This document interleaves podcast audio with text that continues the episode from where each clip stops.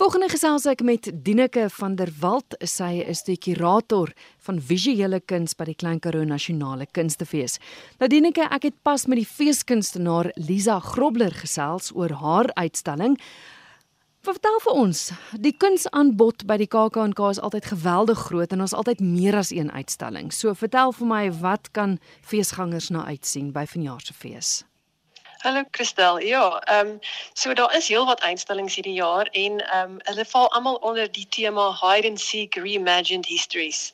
So die tema gaan oor die idee dat elke objek, idee of kulturele geloof het 'n geskiedenis en gebeure van die verlede het langdurige uitwerkings.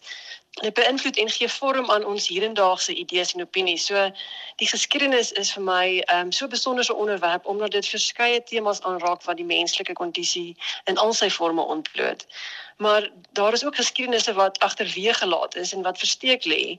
Ehm maar wat ook belangrik is vir ons om te ondersoek en bloot te lê sodat ons 'n beter begrip kan kry van ons gesamentlike verlede.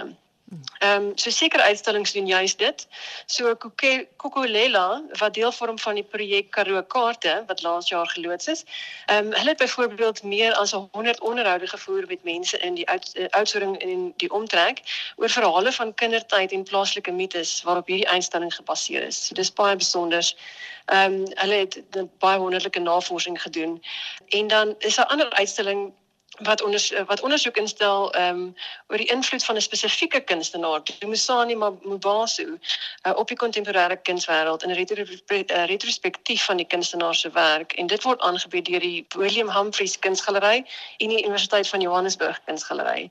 Hy is 'n besonderse figuur wat ehm um, eintlik half agterweë gelaat is en wat reg besonder is om te sien ehm um, watter werk hy gedoen het dan is daar ook nog 'n besonderse uitstalling die wat by die Eeufees vier van Isias Bosch. Mm. Ehm mm. um, dit is Aardling narratiewe in klei deur Donovan Meinhardt en dit wys die dit, dit die invloed is hoofsaaklik die Isias Bos die besonderse pottebakker wat hy was en die merkwaardige invloed wat hy gehad het op ander pottebakkers in Suid-Afrika. So die uitstalling sluit is ehm um, 'n versameling van sy werke in en dan ook kontemporêre kunstenaars om te wys hoe sy invloed merkbaar is in al hierdie kunstenaars se werke. Dan is daar 'n 'n ander uitstalling die inkarnasie van vrou wees wat twee ehm um, oud soreniete ehm um, se uitstalling is François Tiran en Janet Dixon.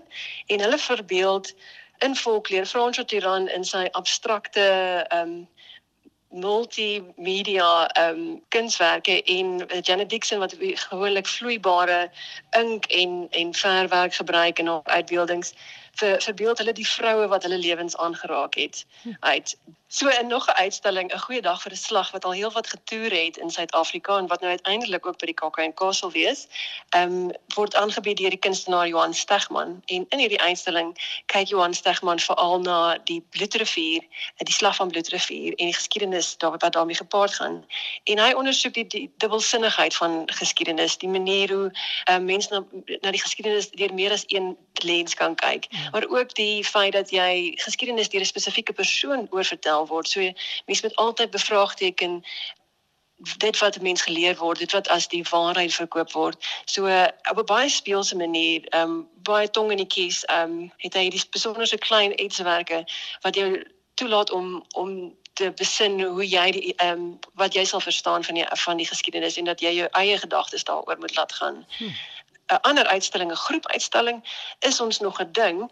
Ehm um, ondersoek kunstenaars soos Anton Kannemeyer, Konrad Botha, as ook Heidi Fourie, Octavia Rood en Mediese Bande byvoorbeeld, die ehm um, die term Afrikaner en hulle kyk of is die Afrikanerdom en die die persoon as Afrikaner is dit nog 'n ding. Ehm um, dis ook 'n baie interessante uitstalling want dit vat ehm um, kunstenaars van verskillende eras, uh, Anton Kannemeyer en Konrad Botha byvoorbeeld en dan die jonger geslag wat Heidi Fourie insluit. Ehm um, en hulle bring hulle in ehm um, wat hulle noem die buitestanders in soos Mediese Bande en Lawrence Limona wat dan 'n ander perspektief op hierdie term dan bring. En dit so hmm. dis 'n baie interessante ondersoek en 'n uh, baie interessante uitstalling om te sien. Dan bied Absa Galerie 'n baie interessante uitstalling aan uh, met die kurator Yoyisani Magweba um, die uitstallings genaamd parallel 'n um, multidimensional perspective of space and time. Um, en dit bied aan kunswerke uit die Amsa korporatiewe versameling en ook verskeie van die Amsa Atelier ambassadeurs se werke wat baie besonder is om te sien want dit is die beste kunstenaars wat natuurlik die Amsa Atelier gewen het um, in die afgelope 2 jaar. So dit is ook iets um, besonders om te sien. En dan mylpaal vir ons is die Suid-Afrikaanse paviljoen van die Venus Biennale van 2022 uh, met kunstenaars Lebogang Kanye, Pumlani Ntule en Roger Bellen uh, met die kurator Amay Bell en dit is die eerste keer dat hierdie werke wat wat Suid-Afrika verteenwoordig het in in Venesië na Suid-Afrika toe gebring word sodat ons gehore ook dit kan sien. So dit is drie besondere uitstallings. En um, ons byvoorbeeld ligbokse van Roger Bellen en 'n videowerke van Pumlani, so dit is iets besonders om om na uit te sien.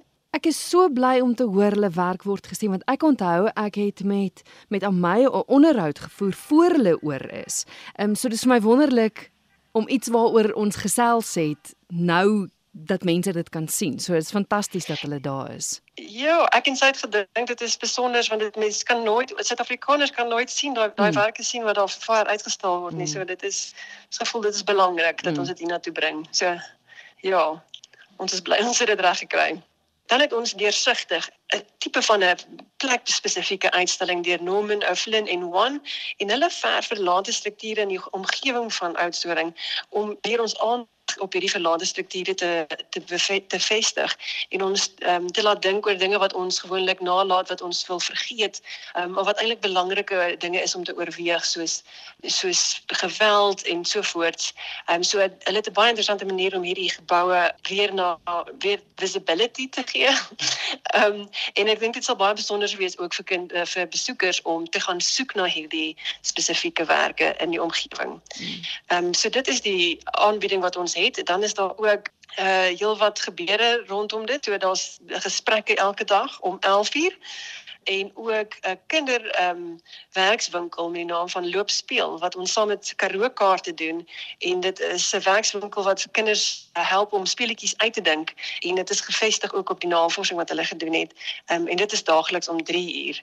Die pandemie het julle genoodsaak om virtuele gallerye te skep dis iets van die verlede nou dat dinge teruggekeer het na normaal toe. Dis nou weer soos in die ou dae net in Oudtshoorn te sien. Is ek reg? Ja, dit is inderdaad so. Ehm um, ons het gevoel dit is ehm um, dit is vir mense 'n baie lekker ondervinding om die werke in persoon te kan sien. Mm. En alhoewel ons baie gehou het van die virtuele gallerye, is dit net onmoontlik om alles om beide te kan doen. So ons gefokus hierdie jaar op Oudtshoorn self.